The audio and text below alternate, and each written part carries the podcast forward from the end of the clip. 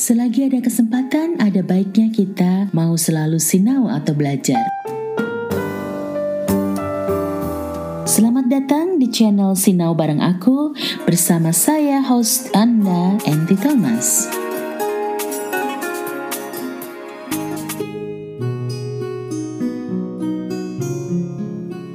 Halo konco-konco Sinau bareng aku di mana pun kalian berada.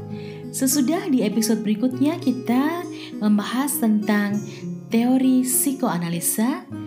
Di episode kali ini kita akan belajar tentang teori pendekatan perilaku atau behaviorisme. Bagi kalian yang belum sempat mampir ke episode-episode berikutnya, saya sarankan kalian untuk melihatnya terlebih dahulu karena itu akan memperkaya pengetahuan kita tentang pembahasan yang ini. Mari kita mulai. Konco-konco pada awalnya, objek kajian psikologi hanya berfokus pada pengalaman dan kegiatan mental.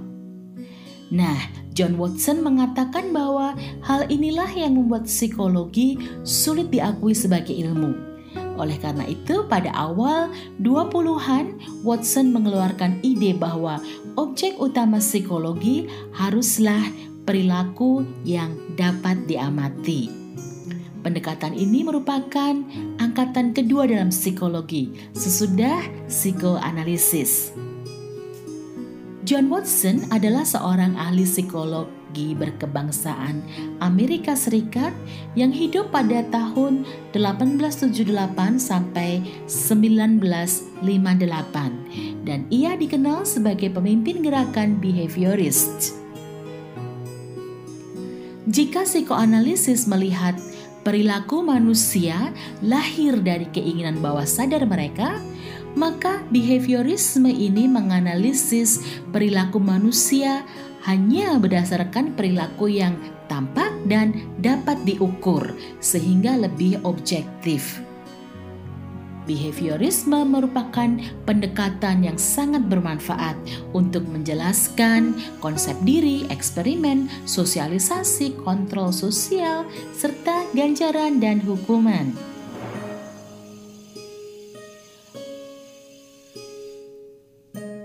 Watson menyajikan kepada dunia teori ini yang disebutnya sebagai behaviorisme dengan menggabungkan ide-ide yang sudah dikembangkannya dengan prinsip pengkondisian Pavlov. Nah, untuk uh, pengkondisian Pavlov ini akan kita bahas nanti di episode selanjutnya ya. Jadi teori ini sebenarnya merupakan kelanjutan dari teori pengkondisian klasik Pavlov dalam bentuk baru dan yang lebih terperinci serta didukung oleh eksperimen baru dengan binatang terutama tikus dan anak kecil atau bayi. Nanti kita akan lebih lanjut eksperimen yang dilakukan oleh Watson ini.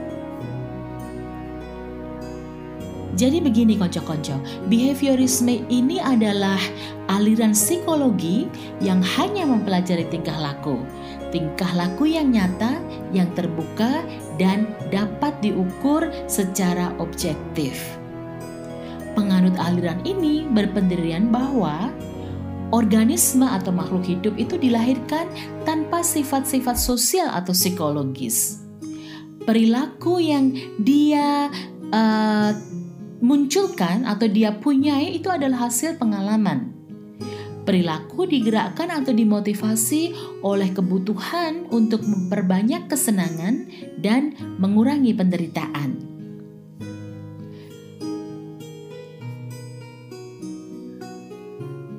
Asumsi bahwa pengalaman adalah hal yang paling berpengaruh dalam membentuk perilaku menyiratkan betapa elastisnya manusia – Menurut Watson, manusia mudah dibentuk menjadi apa pun dengan lingkungan yang relevan atau bila ia diberikan lingkungan yang diciptakan yang dikondisikan mendukung apa yang dikendaki perilaku tertentu yang dikendaki dari individu tersebut.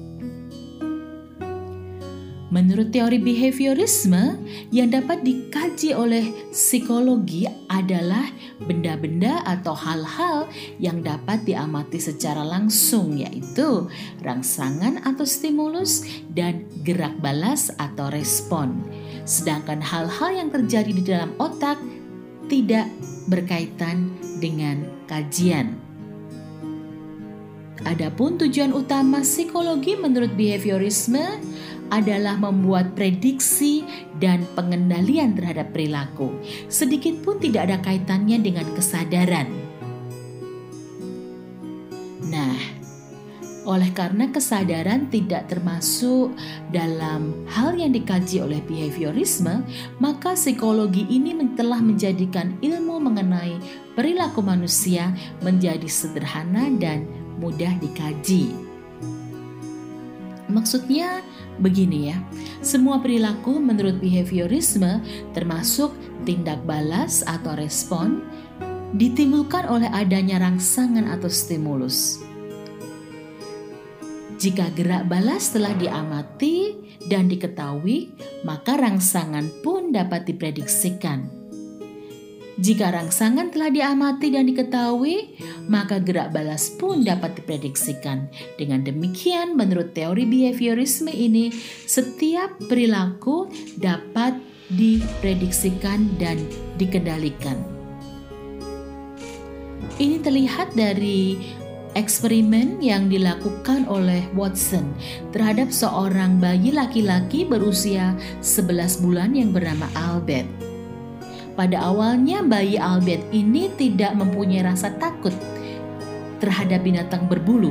Ketika ia didekatkan pada anjing, pada kelinci, eh, bahkan pada tikus yang berwarna putih, dia dengan gembira tanpa rasa takut berani memegang mengelus-elus binatang-binatang tersebut ya.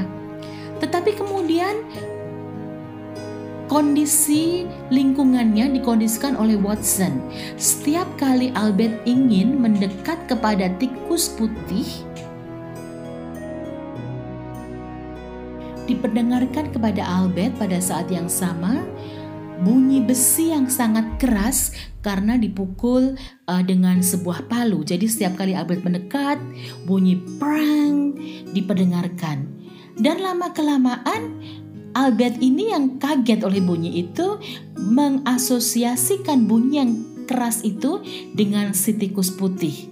Sehingga Albert menjadi takut kepada tikus putih. Bukan hanya tikus putih saja, dia mengasosiasikan binatang yang berbulu dengan ketakutan juga. Bahkan ketika suara bunyi-bunyi itu dihilangkan, Albert masih mempunyai rasa takut pada binatang berbulu dan warna juga ternyata itu uh, sangat membekas di diri Albert. Ketika Watson mencoba mendekati Albert dengan memakai topeng berwarna putih, si Albert ketakutan. Nah, dari eksperimen itu, Watson menyatakan bahwa ia telah berhasil membuktikan bahwa pelaziman atau pengkondisian dapat merubah perilaku secara nyata. Watson dengan tegas menolak pengaruh naluri atau insting dan pengaruh kesadaran terhadap perilaku. Jadi menurut Watson, semua perilaku yang dipelajari itu adalah akibat hubungan stimulus dan respon. Watson menerangkannya seperti ini. Dia melihat insting dari karakteristiknya sebagai refleks yang unlearned, yang tidak dipelajari. Refleks itu hanyalah milik anak-anak yang tergantikan oleh habits dan akhirnya ditolak secara penuh kecuali refleks-refleks sederhana seperti bersin, merangkak, dan lain-lain.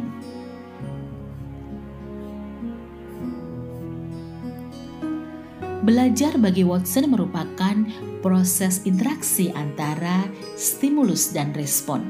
Namun, stimulus dan respon yang dimaksud harus berbentuk tingkah laku yang dapat diamati dan diukur. Dengan kata lain, meskipun ia mengakui adanya perubahan-perubahan mental dalam diri seseorang selama proses belajar, namun hal itu bukanlah faktor yang uh, dapat diukur, maka tidak diperhitungkan.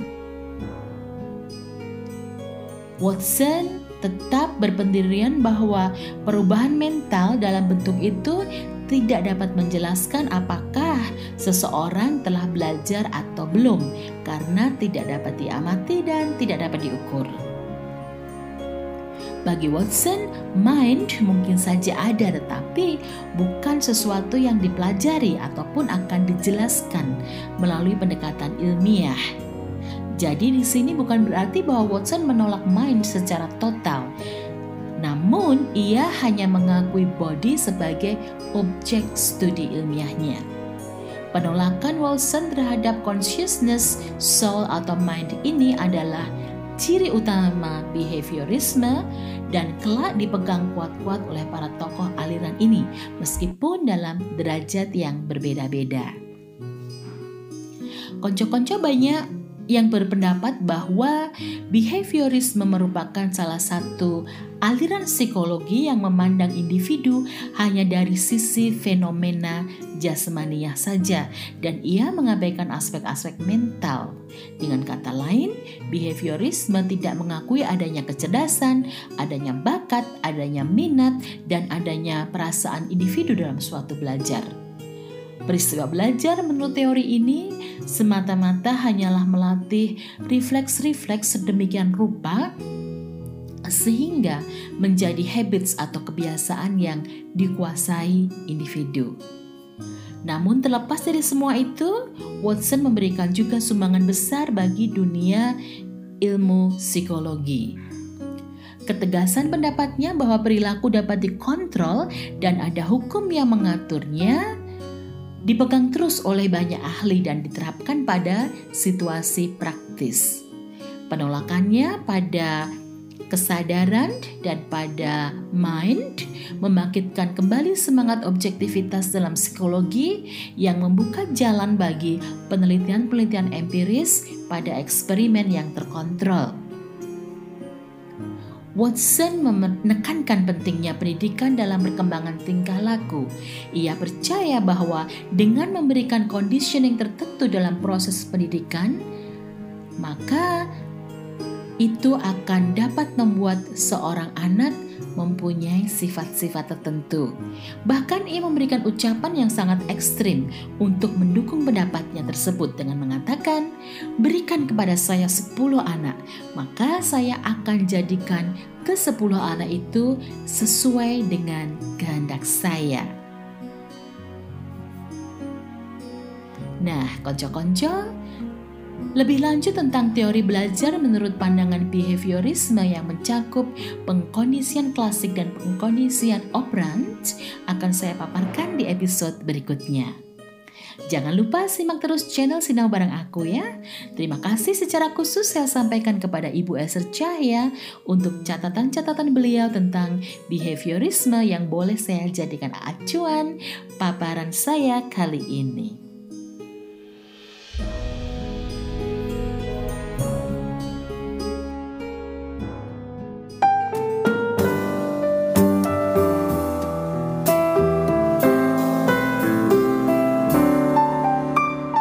Bersama saya Inti Thomas. Terima kasih dan sampai jumpa di episode Sinau bareng aku selanjutnya. Bye bye for now.